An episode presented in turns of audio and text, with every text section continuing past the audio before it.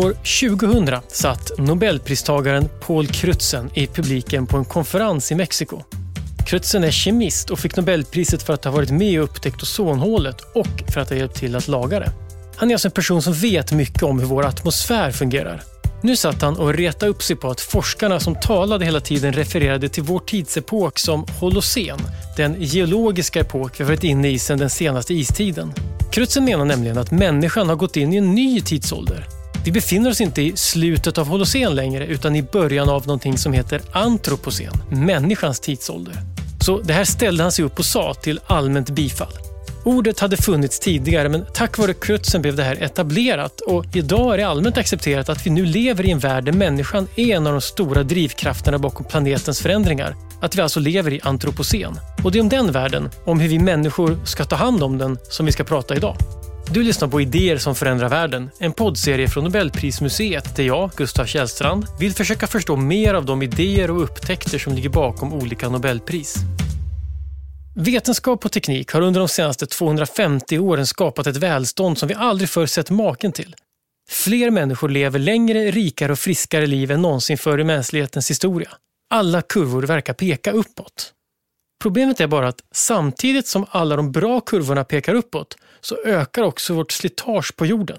Vi använder resurser, rubbar ekosystem, minskar den biologiska mångfalden och ökar mängden koldioxid i atmosfären.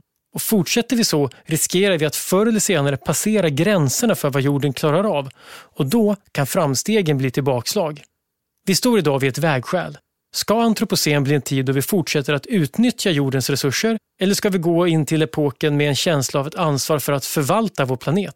Och med oss idag för att prata om antropocen och planetens gränser är klimatforskaren Johan Rockström. Välkommen! Tack så mycket! Johan, du leder eh, Potsdam Institute for Climate Impact Research. Vad, vad gör man på, på ett sådant institut? Alltså, vi är ett, ehm, ett av världens främsta institut när det gäller tvärvetenskaplig global klimatforskning. Det vill säga att vi försöker då göra det som man på engelska kallar för Earth System Science. Det vill säga att vi kopplar ihop eh, förståelsen av biosfär, hav, vattencykel, atmosfär, vår kryosfär, alltså våra isar, alltså hela jordsystemet och kopplar den forskningen till eh, vägar för, för mänsklighetens framtid. Så det är en, eh, ett försök att eh, inte bara beforska klimatkonsekvenser som orsakas av mm. vårt, som du uttryckte det, slitage på planeten men dessutom vägar till, en, eh, till ett säkert manöverutrymme för mänskligheten på jorden och sen också att, att, att förstå dynamiken i hur planeten jorden svarar på ökad tryck och stress orsakad av, av de antropogena konsekvenserna i, i antropocen. Johan Rockström är professor i miljövetenskap och föreståndare för Potsdam Institute for Climate Impact Research. Ett av Europas viktigaste institut för forskning om klimat och hållbarhet. Han var tidigare chef på Stockholm Resilience Center och har publicerat mängder av inflytelserika vetenskapliga artiklar, bland annat tillsammans med nobelpristagaren Paul Crutzen. Han har också skrivit populärvetenskapliga böcker och dessutom en kokbok som lär oss att äta på ett hållbart sätt. Och hans sommarprat 2015 blev det årets mest lyssnade. I december 2020 gjorde han en performance lecture, en iscensatt föreläsning på Dramaten i samarbete med Nobelprismuseet som sändes på Sveriges Television. Den heter Vår stund på jorden och kan ses på SVT. Och I april 2021 så organiserar han tillsammans med Nobelstiftelsen och den amerikanska vetenskapsakademin ett stort möte om klimatet i Washington. Jag, jag brukar som, som standard i princip inleda mina föreläsningar idag med att, att bara påminna alla om att det absolut viktigaste vetenskapliga rönet de senaste tio åren det viktigaste budskapet från vetenskapen till mänskligheten är att vi är nu i en ny geologisk epok. Det finns ingenting som, som har så stor konsekvens för oss idag och för vår framtid. Det här blir ju, kan man säga, första gången vi måste förstå att vi måste förvalta hela planeten. Alltså att vi måste bli vad jag kallar på engelska planetary stewards. Alltså att det är liksom det är ingen teori längre att, att vi nu befinner oss i en globaliserad värld som kräver global förvaltning utan det är, det är verkligheten och, och covid-19 har ju eh, är liksom en manifestation av antropocen för att den, den är ett exempel av antropocen. Det ska man ha klart för sig att vi eh, utarmar naturliga ekosystem så snabbt genom expansion av jordbruk så att vi får den här typen av zoonoser när virus spiller över från vilda djur via ofta husdjur men till slut till oss människor och sen kan liksom spridas över världen som, som, en, eh, som en bushfire på grund av eller tack vare det faktum att vi är i ett så hyperuppkopplat eh, globalt transportsystem. Så att, så att antropocen kommer till uttryck i termer av allt ifrån isavsmältning, skogsbränder, överfiske av haven, mikroplaster i Arktis och covid-19. Alla de här är, är symptom av antropocen. Antropocen som begrepp som Paul Crutzen mycket riktigt mm. eh, lanserade eh, har ju idag inte bara etablerats kan man säga nästan, nästan i, i, i bredare samhällsdebatten.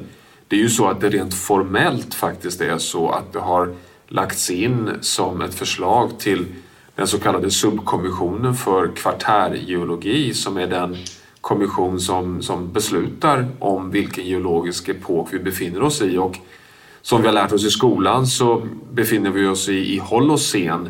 Det är den senaste eh, epoken som vi har varit i sedan vi lämnade den förra istiden för ungefär 12 000 år sedan. Och det är den sista delen i, i kvartärperioden och kvartärperioden är de senaste tre miljoner åren. Och den här eh, subkommittén för kvartärgeologi har eh, ägnat flera år åt att, att gå igenom alla vetenskapliga belägg för har vi verkligen vetenskapligt stöd för att tala om en helt ny geologisk epok? Du kan ju bara tänka dig vilket, vilket enormt ansvar det är rent vetenskapligt att, att besluta att vi har gått in i en helt ny geologisk epok, dessutom orsakad av en av arterna på, på själva den geologiska enheten, planeten jorden.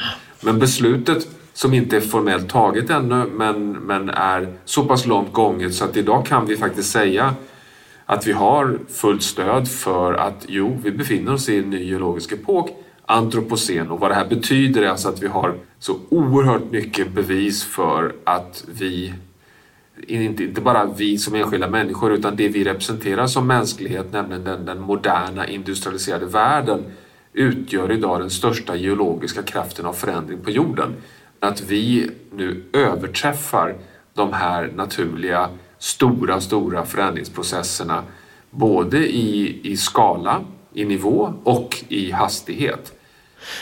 Behöver vi liksom ett helt nytt sätt att se på naturen? Ja, alltså, det här är ju en av de ehm, liksom, ganska allvarliga paradoxerna som har skett om man ser på de senaste 150 åren.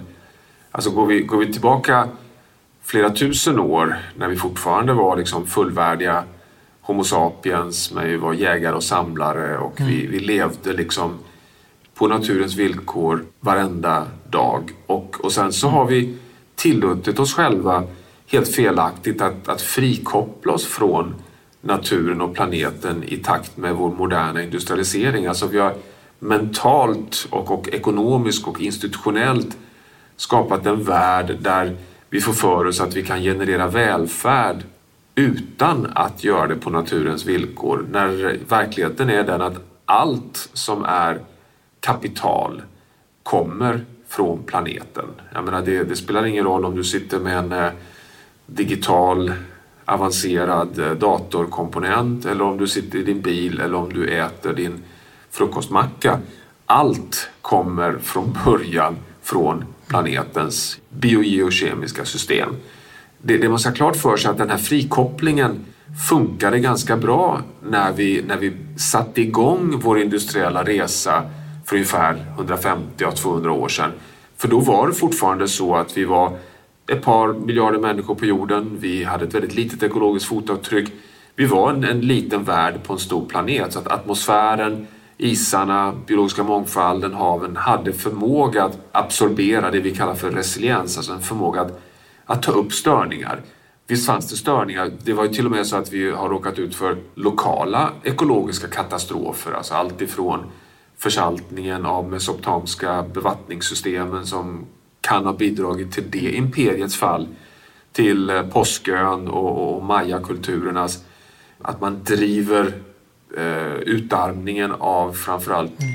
jordbruksmark och skog för långt. Men vi hade aldrig någon påverkan på planeten som helhet. Den påverkan sker inte förrän vi går in i antropocen. Antropocen i den här subkommissionen för kvartärstratigrafi, mm. de bedömer att, att antropocen startar 1950, det vill säga direkt efter andra världskriget. Och det här är ganska intressant. Det här är vad, vad vi har misstänkt länge. Alltså upp till 1950 så, så har vi haft eh, liksom påverkan på naturen utan tvekan. Mm. Men den har varit ganska lokal och den har varit linjär. Men från 1950 och framåt så blir plötsligt påverkan global och den blir icke-linjär. Den blir precis som viruskurvan. Den sticker iväg som en exponentiell hockeyklubba. Och det som är trassligt för oss det är att det inte bara är utsläpp av koldioxid utan det är avskogning, det är kväveöverutnyttjande, det är fosforutnyttjande, det är alla former av, av um, luftföroreningar, det är kemikalieutsläpp, det är tungmetaller. Alltså du kan, för att uttrycka sig enkelt, du kan i princip plocka vilken parameter som helst som, som avgör nivån av mänsklig välfärd och de ser likadana ut. Från 1950 och framåt så, så, så böjer det. Och, det. och det är det som är trasslet att i början av den här eh, antropocenperioden, alltså från 1950 till är min bedömning idag, det finns inga, inga belägg för det, men min bedömning idag är att ungefär fram till 1990, alltså bara 30 år sedan, så var vi ju inne i den här antropocenresan med en exponentiellt ökat tryck. Jag menar, vi började se allvarliga tecken på global uppvärmning. Vi började se de första, jag menar IPCC föds, alltså FNs vetenskapliga klimatpanel. Mm. Vi har ozonhålet som observeras på 80-talet. Men det är någonstans slutet av 80-talet som man kan börja se de vetenskapliga beläggen för att vi når vad jag kallar för en mättnadspunkt. Det vill säga, vi börjar slå i taket för planetens kapacitet att ta den här antropocenstörningen och alltså att det är bara de senaste 30 åren ungefär vi börjar liksom verkligen få de stora tunga fakturorna från planeten. På 1980-talet började forskare ta frågan om klimatförändringar på allt större allvar. Och 1988 bildades FNs internationella klimatpanel, IPCC. Ordförande under de första åren var den svenske meteorologen Bert Bolin. Panelens jobb var att sammanställa den forskning som bedrevs och utvärdera dagsläget samt göra modeller för tänkbara framtida scenarier. Målet är att dels utvärdera riskerna och dels att föreslå lösningar. Och 2007 fick IPCC dela Nobels fredspris med Al Gore som året innan var med i filmen En obekväm sanning. Motiveringen var att IPCC och Gore tog fram och spred kunskap om en fråga som skulle kräva internationellt samarbete Alltså precis den folkens förbrödring som Alfred Nobel beskrev i sitt testamente att fredspriset skulle belöna. Det, det som vi bidrar med vetenskapligt för Potsdaminstitutet och, och liknande institut som våra, det är ju framförallt kan man säga att försöka förstå hur planeten fungerar och vad är det rent biofysiskt som avgör vilket tillstånd planeten är i. Alltså befinner vi oss i en varm interglacial eller befinner vi oss i en djup istid? Eller knuffar vi iväg planeten till det vi kallar för Hothouse Earth, det vill säga en planet utan permanenta isar och som liksom rör sig bort mot en permanent eh, het planet som motsvarar ungefär det vi hade för 50-60 miljoner år sedan när vi hade dinosaurier på planeten.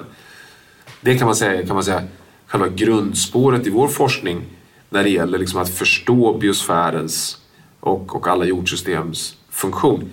Annan forskning ägnar sig åt att titta på den otroligt viktiga relationen direkt mellan ekologi och mänsklig välfärd, alltså hälsa och mat och liksom hur, hur den biologiska mångfalden spelar roll för, för mänsklig välfärd. Och det kan vara bra bara att skilja på de två. Och när man tar vår stora fråga, liksom, vad spelar den levande naturen för roll för att reglera planetens stabilitet? Då identifierar vi vad vi kallar för tipping elements, alltså stora biofysiska system på jorden som bidrar till att reglera tillståndet på jorden. Och vi har en ganska bra grepp om det idag. Vi har kommit otroligt långt de senaste 30 åren att eh, förstå till att börja med att hela planeten är ett komplext system som interagerar mellan alla komponenter. Så att hav och mark och atmosfär och klimat och isar är liksom sammanknutna i ett komplext biogeokemiskt system. Det förstår vi idag. Vi förstår idag att de här systemen, både de biologiska och de fysiska, det vill säga de, de biotiska, de levande och de abiotiska, de, de interagerar och har en, en förmåga att, att dämpa, vilket vi kallar då för negativa feedbacks. Det är lite paradoxalt, dämpar ju positivt men, men det är alltså negativt i meningen de dämpar och minskar, de kyler. Men sen har du återkopplingsmekanismer som är positiva, det vill säga de förstärker. Och vi lär oss mer och mer om att det som avgör planetens tillstånd är vart befinner sig de här tipping elements, de här systemen som reglerar planetens tillstånd i det här spektrat från negativ till positiva feedbacks. Och om ett system befinner sig i en dominans av dämpande feedbacks, då är de i ett tillstånd. Då är de liksom i en vågskål. Knuffar man dem för långt genom att eh, förorena eller överutnyttja vatten eller övergöda eller avskogning eller utsläpp av växthusgaser, då kan man knuffa dem över trösklar så att de faller över det vi kallar för tipping points och så skjuts hela den här feedback-riktningen från negativt till positivt och systemet tippar över i en annan skål och så får du ett system som börjar själv orsaka, i det här fallet då för det mesta fokus på uppvärmning. Och det här är liksom själva grundforskningen. Men vad som är otroligt viktigt är att vi kan idag identifiera att det finns 15 kända stora system på jorden som har den här karaktären. Det vill säga de är stora och de bidrar till att avgöra tillståndet på planeten och de kan befinna sig i olika jämviktslägen. Det vill säga att de kan knuffas från dämpande till självuppvärmande och de har trösklar. Och bland de här systemen har du både de, de stora isarna, alltså de fysiska systemen, Grönland, Arktis, Antarktis. Men sen har du också de levande systemen, det vill säga de tropiska korallreven, våra skogar, de tempererade, de boreala, de regnskogarna, tundrasystemen med sin permafrost, eh, gräsmarker på jorden. Och alla de här levande systemen, de, de existerar ju tack vare sin biologiska mångfald. Så, så under huven på en stabil regnskog har du ju mångfalden av växter och djur. Så det finns liksom en direkt koppling mellan att förlorar vi arter som, som då har omedelbar effekt på, på liksom förmågan att producera mat exempelvis så har det också en konsekvens på stabiliteten för hela det ekosystemet som i sin tur kan påverka förmågan att reglera tillståndet på jorden. Och det är det här som är liksom den absoluta forskningsfronten idag. För vi, vi har för bara ett år sedan publicerat den senaste liksom, diagnosen av de här 15 stora systemen och ser att nio av dem har börjat visa tecken på att närma sig trösklar. Och, och de här nio inkluderar exempelvis tre som, som jag skulle bedöma idag antingen har redan korsat en tröskel eller, eller är precis på gränsen. Och den första är, är förstås nära oss, precis på vår bakgård i princip i Sverige, nämligen Arktis sommaris. Och det här är viktigt att förstå, att Arktis är en, en, en vit yta som kyler hela planeten. Det är som ett, det är som en, eh, ett kylsystem som vi är helt beroende av. Det här tillståndet som vi har varit i, alltså planetens tillstånd sedan vi lämnade förra istiden, det interglaciala jämviktsläget, holocen, är helt beroende av att ha två permanenta isar i Nordpolen och Sydpolen. För det är ett jämviktsläge som reflekterar tillbaka eh, i storleksordningen 90 procent av inkommande solinstrålning som gör värme. Och tack vare de här två permanenta isarna så hålls planeten i, i sitt interglaciala jämviktsläge. Förlorar vi dem, vilket då Arktis sommaris är på väg att, att göra, inte, inte över hela året men just under sommaren, då, då blir hela planeten mörkare. Och då får vi ett, ett skifte från negativ feedback, det vill säga reflekterande, till att hela systemet blir mörkare och börjar absorbera värme. Och då kan man ju, alltså, då, då ser man ju direkt, herregud, det här är ju inte bra. Va? Alltså, här, här bränner vi kol, olja och naturgas vi, vi värmer upp planeten och plötsligt så tippar isarna över från att vara självkylande till att bli självuppvärmande.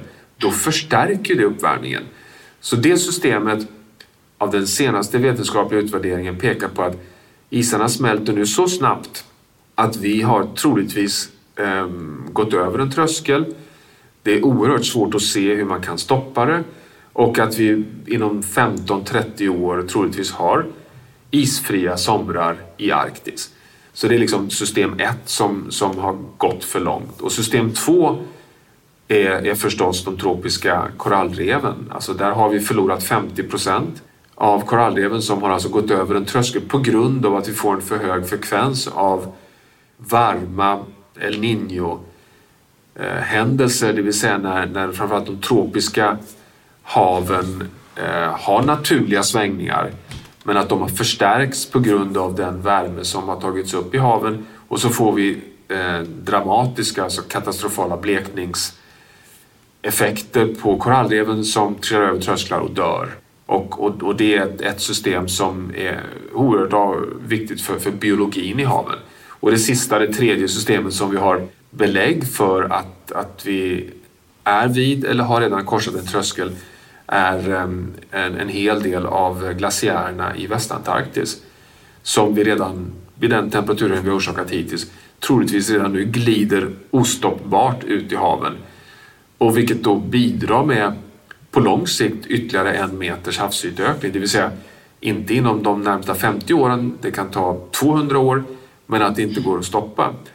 Så det här är forskningen som, som visar att att redan vid 1,2 graders global uppvärmning, alltså där vi är idag, så, så kan vi alltså inte utesluta längre att vi redan har knuffat tre av de kända 15 systemen som bidrar till att, att dämpa störningar på jordklotet över trösklar. Och, och det här är ju förstås oerhört allvarligt. Det är alltså varningsblinkersen som står och går som, som ska hjälpa oss att, eh, att agera snabbare för att undvika att knuffa andra system över trösklar. Kring sekelskiftet 1900 var Svante Arrhenius Sveriges största vetenskapliga kändis. Han var en banbrytande forskare som grundade ett helt nytt vetenskapligt fält, den fysikaliska kemin. Han skrev populärvetenskap, höll föreläsningar och syntes i offentligheten. 1903 blev han den första svensken som fick Nobelpriset i kemi. Men idag är han ihågkommen för något som i samtiden var en kuriositet. Han lyckades nämligen visa att det finns ett samband mellan halten av koldioxid i atmosfären och jordens temperatur. Ju mer koldioxid, desto varmare blev det. Eftersom den här tidens stora oro var att en ny istid skulle drabba världen så uppfattade Arrhenius det här som något positivt. Fortsatte vi bara att bränna kol så skulle vi kunna undvika nedkylningen. Sedan dess har vi reviderat bilden av klimatförändringarna men kunskapen om att människan kan förändra jordens klimat, den är gammal. Om man då tänker sig att de här en del tänker så att ja, men okej, då blir det varmare, men, men det kan vi väl liksom kompensera ekonomiskt. Vi blir ju rikare och rikare också. Så att det är, är det här verkligen ett sånt himla stort problem? Det har varit klimatförändringar förut och, och så, men eh, jag misstänker att du inte delar den uppfattningen.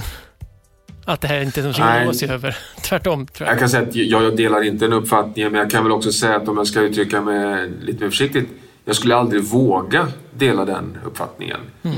Och anledningen till det är att den, den absolut senaste forskningen där, där, faktiskt en av våra klimatmodeller här på Potsdaminstitutet, den så kallade Climber-modellen, har för första gången lyckats återproducera liksom istider och interglacialer, det vill säga planetens medeltemperatur under de senaste tre miljoner åren, alltså under hela kvartärperioden.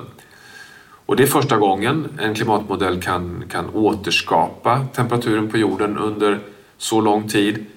Tre miljoner år är liksom helt avgörande för oss för att även om jordklotet har funnits i 4,5 miljarder år så är det bara under de senaste tre miljoner åren som vi har haft en planet som liknar den vi har idag. Kontinenter och färskvatten och hav, atmosfär som idag, det, det är de senaste tre miljoner åren. Och när vi kör klimatmodellen genom de här tre miljoner åren som har haft enormt stora naturliga variationer där, där solinstrålningen har knuffat planeten in och ut ur istider. Du vet, vi går ner och har 100 meter lägre havsyta på jorden i djupa istider och sen ut ur istider. Men under hela den här perioden så har medeltemperaturen aldrig överstigit två grader. Det vill säga, den globala uppvärmningen har aldrig nått två grader. Och, och nu är vi vid 1,2 grader och vi är på väg mot 3,5 ända upp till 4 grader om bara 80 år. Det vill säga, om man tar det här även i geologiska termer, så vad som händer just nu är liksom inte bara exponentiellt, det är liksom så fruktansvärt starkt i, i, i tempo och i höjd. Och att, att vi aldrig har varit ovanför två grader de senaste tre miljoner åren är för mig kanske den viktigaste vetenskapliga insikten. Jag menar, man kan ställa sig frågan så här, behöver vi mera vetenskapligt stöd än det för att undvika två grader? Jag menar, jag skulle inte våga gå utöver den. Jag menar, här har vi mm. nu kunskap om att under hela planetens existens, så som vi har berott av den, har vi aldrig gått över två. Då är det väl inte så smart att gå över två. Så det ska man ju, eh, kan man säga, ska man ju villigt erkänna då för de som menar att man kan liksom ingenjörs eh, eh på något sätt eh, hitta lösningar även på en 3-4 graders planet. Svaret är, enkla svaret är att vi vet inte. Ingen vet, ingen kan veta. Och det tycker jag i sig självt räcker. Och, och det som gör det en, en ännu djupare insikt är nämligen att när vi försöker förstå varför planeterna hålls inom det här otroligt snäva bandet. Alltså plus två, då är det som varmast. Och sen går vi ner till minus fyra ungefär, då är vi på djup istid. Så att, kan du tänka dig, planeten ligger liksom och, och, och snurrar så här upp och ner, upp och ner i, i den här snäva lilla korridoren. Minus fyra istid plus två, minus fyra plus två. Mm. Och, eh, och anledningen till att den gör det är inte att, att liksom störningarna är så, är så gentila och snälla. Utan det beror framförallt på att planeten har haft de här extraordinärt goda förmågan att just buffra.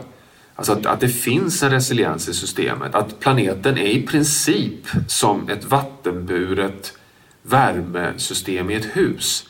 Alla vet ju att när man mm. kommer till sin eh, vinterstuga och sätter på den vattenburna värmen så, så tar det ett tag innan man får upp värmen. Men när väl det här vattnet har blivit varmt då håller sig också huset mm. varmt väldigt länge. Och så funkar också planeten. Planeten absorberar upp 90 procent av all värme som vi har orsakat när vi bränner olja, kol och naturgas har tagits upp i haven. Haven är den här megastora termostaten. Våra jordar och skogar har tagit upp 25 procent av koldioxiden. Haven tar upp kemiskt 25 procent av koldioxiden. Så det här är ett bevis på att, att, att eh, liksom den planet så som vi känner den, den håller sig i väldigt snävt band och har haft den här förmågan att att hålla igen. Så, så min oro är, jag har två oro egentligen. En är ju att jag kan inte alls känna mig säker på att går vi över två grader på jorden så skulle vi kunna hantera det.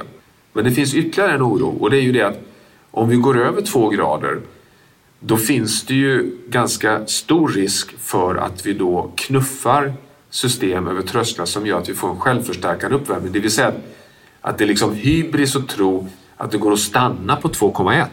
Just det, det är det, som är spännande. För det är inte, återigen, det här är inte linjärt utan det är ju Exakt. svårare än så. Exakt, va? Nå kommer vi, skulle vi liksom tillåtas eh, bränna fossila energikällor till två så kanske permafrosten, skogsbränder mm. och haven knuffar oss till eh, tre. Och då är vi mm. plötsligt på väg mot fyra för då kommer isarna smälta obönhörligen. Och det är det här vi kallar för dominokaskaderna som är någonting som vi beforskar just nu. Det är precis i forskningsfronten.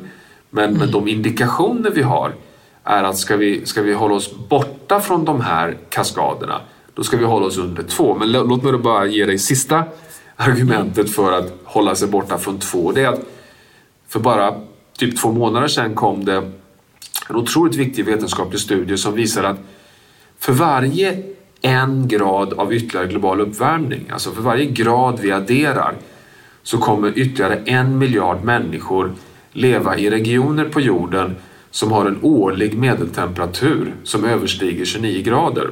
Och den här 29-gradersgränsen den, den är en, en helt medicinskt eh, liksom definierad gräns som handlar om vad klarar vi rent fysiologiskt våra egna system och buffertsystem och homeostas och sånt där, hur, hur våra kroppar eh, Exakt, reglerar sig.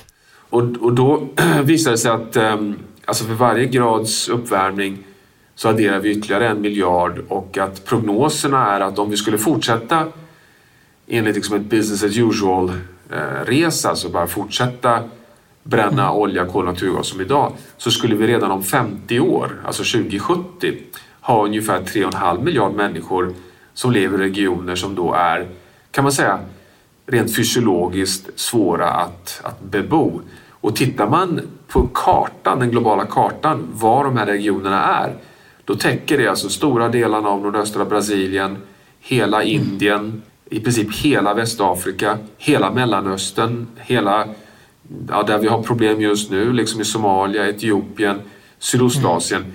Det vill säga, det är inga små geopolitiska och sociala utmaningar vi står inför. Om, om vi skulle liksom säga att okej, okay, vi, kan nog, vi kan nog fixa det här på tre grader. Men du kan ju mm. tänka dig att, att ha tre miljarder människor som måste flyttas på.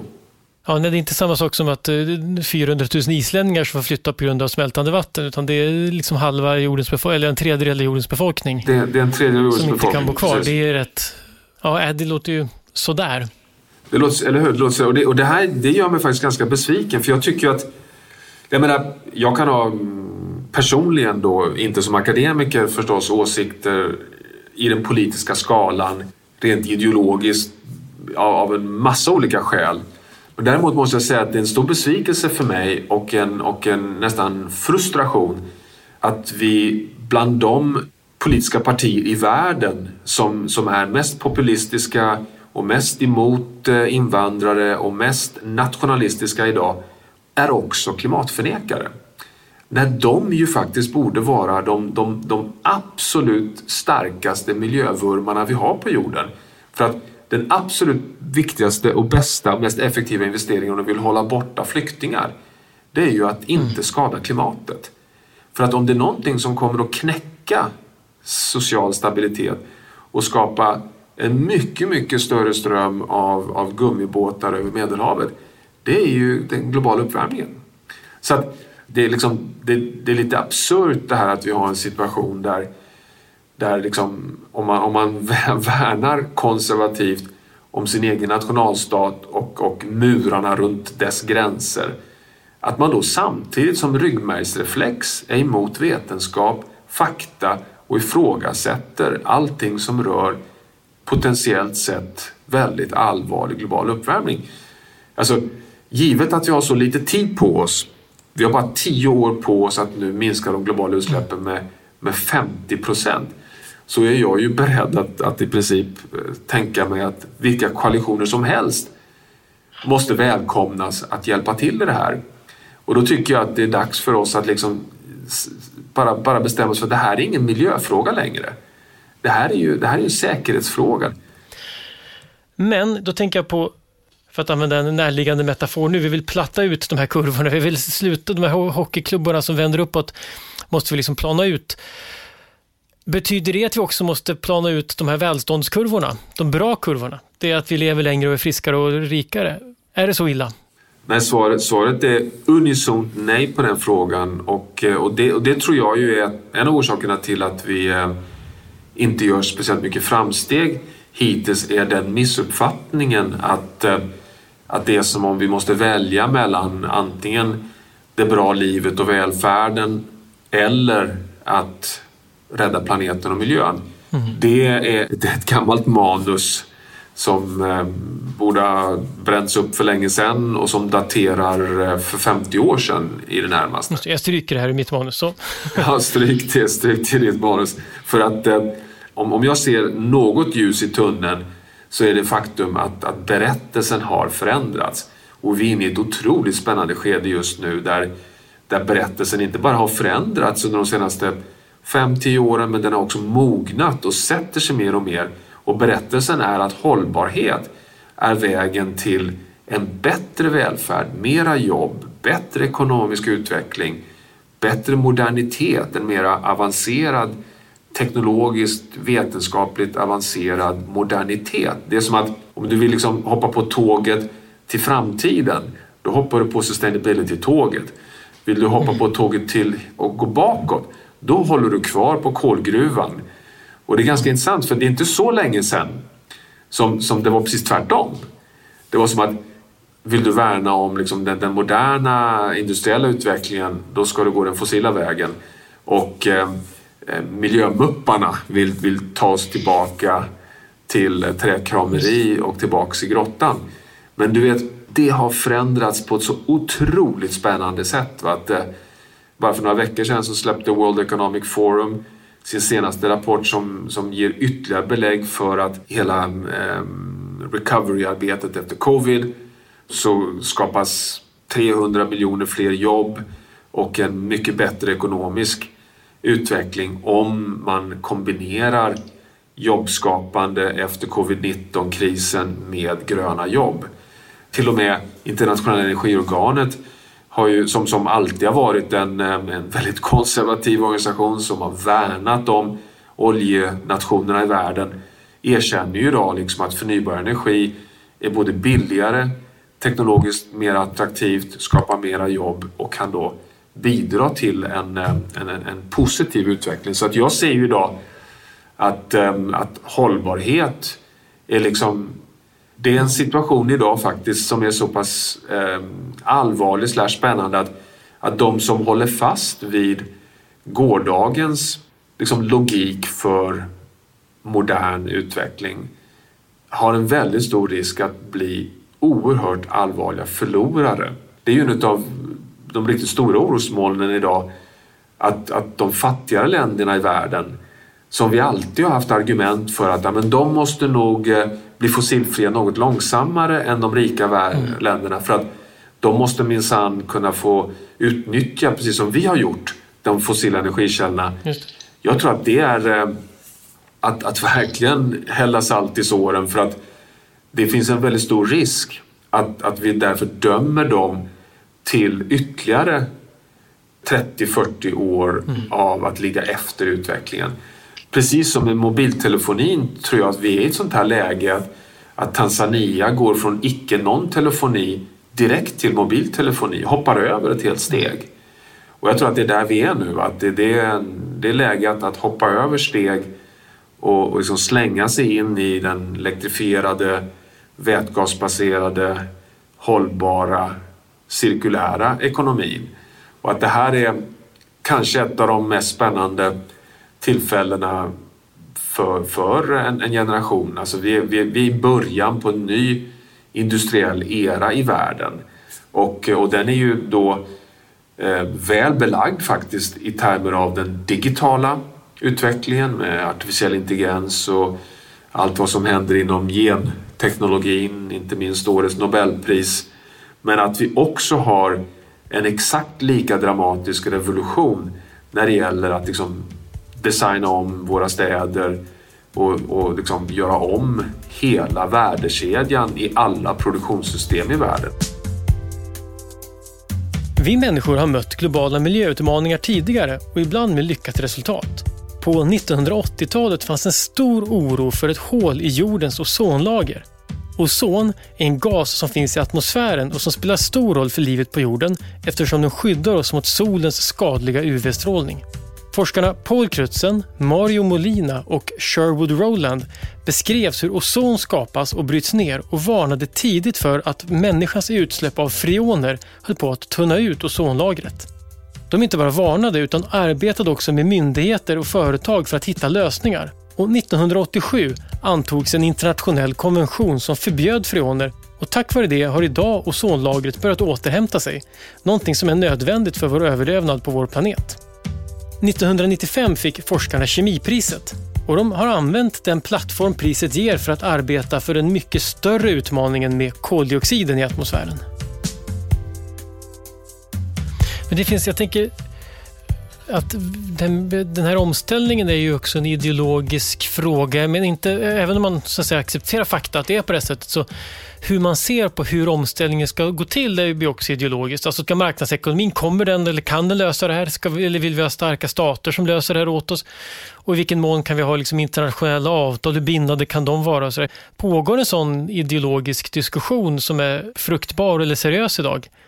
Ja, alltså, där ska jag väl också kanske uttrycka mig lite, lite kontroversiellt. För att jag kan tycka att, att den, den diskussionen pågår i lite för stor utsträckning till och med. Att, att tendensen är att vi snarare liksom är för beskyddande av det gamla och har liksom lite svårt att, att eh, få fram liksom de, de, de skarpaste knivarna i lådan när det gäller att kutta trossen bort från historien. Jag menar, ta bara till exempel i Tyskland där jag befinner mig idag som är, eh, förutom att vara världens fjärde största ekonomi, också en ekonomi som fortfarande är oerhört beroende av kol och producerar ungefär 40 procent av sin elektricitet från kol som är liksom mm. helt oacceptabelt. Ja, det hjälper inte att skaffa elbilar om, man, om elbilarna går på kol i alla fall. Det är ju fullständigt meningslöst. Så, att, så att mm. här, här talar vi om, men här har vi ett, alltså, ett land under Angela Merkels ledning som har jobbat stenhårt med en så kallad kolkommission och eh, nu kommit överens om att fasa ur alla fossila energikällor till, till ehm, ja, 2038, 2039.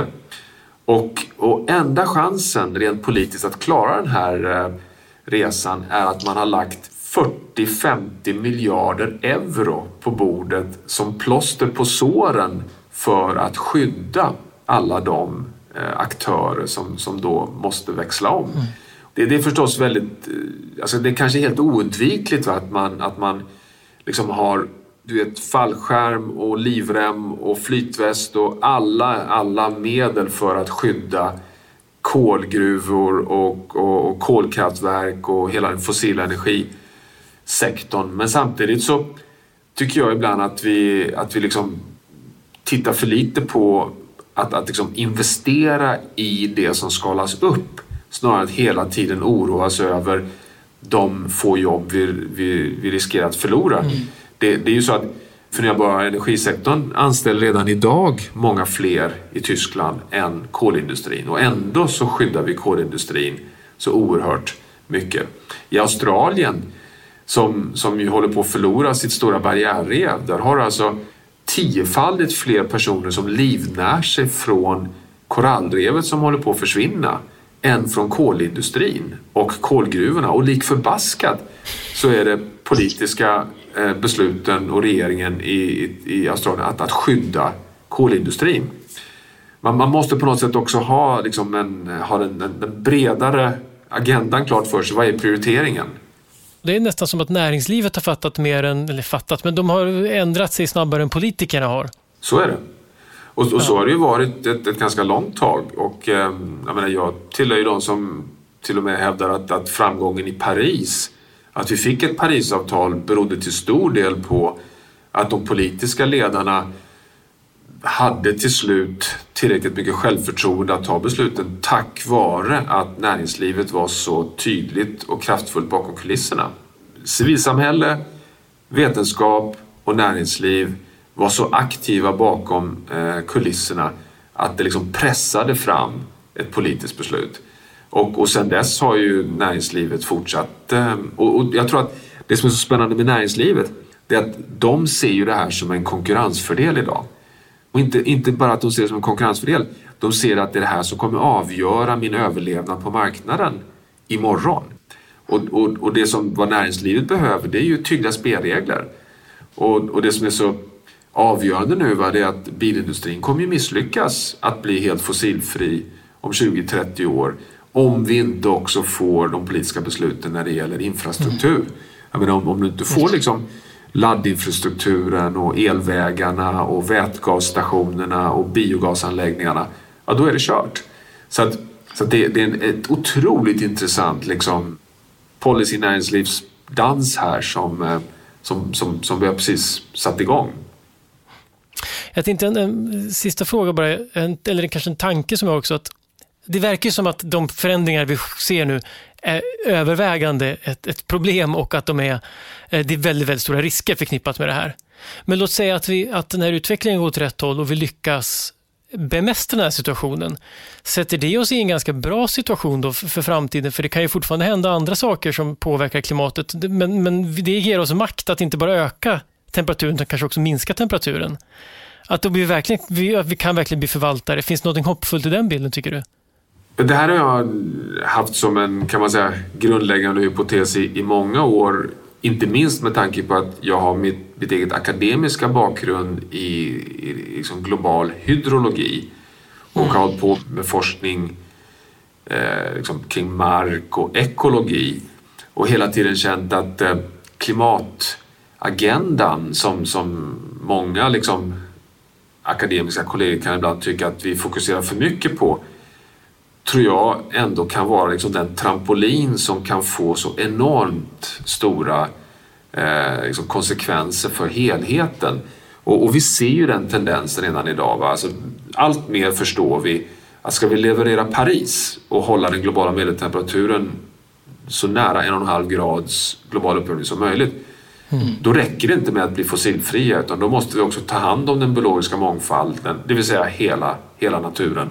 Och att jag tror att därför så fixar vi klimatlogiken liksom, när det gäller hur industrin funkar, våra politiska system funkar, våra institutioner funkar så kommer det per automatik leda till att liksom, hållbarhetsbegreppet eh, liksom, kan man säga inkorporerar alla andra domäner också. Mm. Sen, sen, sen, finns det alltid en risk att eh, liksom, alla pengarna läggs bakom arbetet att fasa ur kol, olja och naturgas och så glömmer vi bort att vi också måste ta hand om tundran och, de tempererade skogarna och regnskogarna. Men det där är ju en av uppgifterna vi har eh, inom, mm. inom forskarsamhället och ja, civilsamhället också för den delen. Att hela tiden göra klart att det här är liksom ett, eh, en systemagenda. Men jag, jag håller med dig om att det finns jag menar, det är precis som det vi pratades vid om i början, att, att även pandemin har den positiva konsekvensen att den successivt får oss att förstå allt mer att vi är, vi är små som individer men vi är kopplade i ett system. Och att det här systemet, det hela planetära systemet, är inte så stort. Vad som händer i Wuhan kan smälla hela världen och vad som händer i Amazonas kan också smälla hela världen på exakt samma sätt. Och det där tror jag en börjar liksom sjunka in och jag tror att det är helt avgörande. Va? Det kanske är där liksom antropocenbegreppet växlar över till att bli liksom någonting lika självklart som att eh, som solen stiger upp på morgonen. Tack så jättemycket Johan, det var en utmärkt avslutning. Tack själv. Idéer som förändrar världen är slut för den här gången. Den här podden görs av Nobelprismuseet. Vi finns på Stortorget i Gamla stan. Info om utställningar och öppettider finns på museets hemsida nobelprismuseum.se. Du kan förstås också följa oss på Facebook och Instagram. Och vill du veta mer om Nobelpristagarna och deras arbete så gå gärna till Nobelprisets hemsida nobelprice.org. Och ett stort tack till Nobelprismuseets huvudpartners Nibe Group och EF Education First som möjliggör Nobelprismuseets verksamhet. Vi är snart tillbaka med nya intressanta samtal. Jag heter Gustav Källstrand.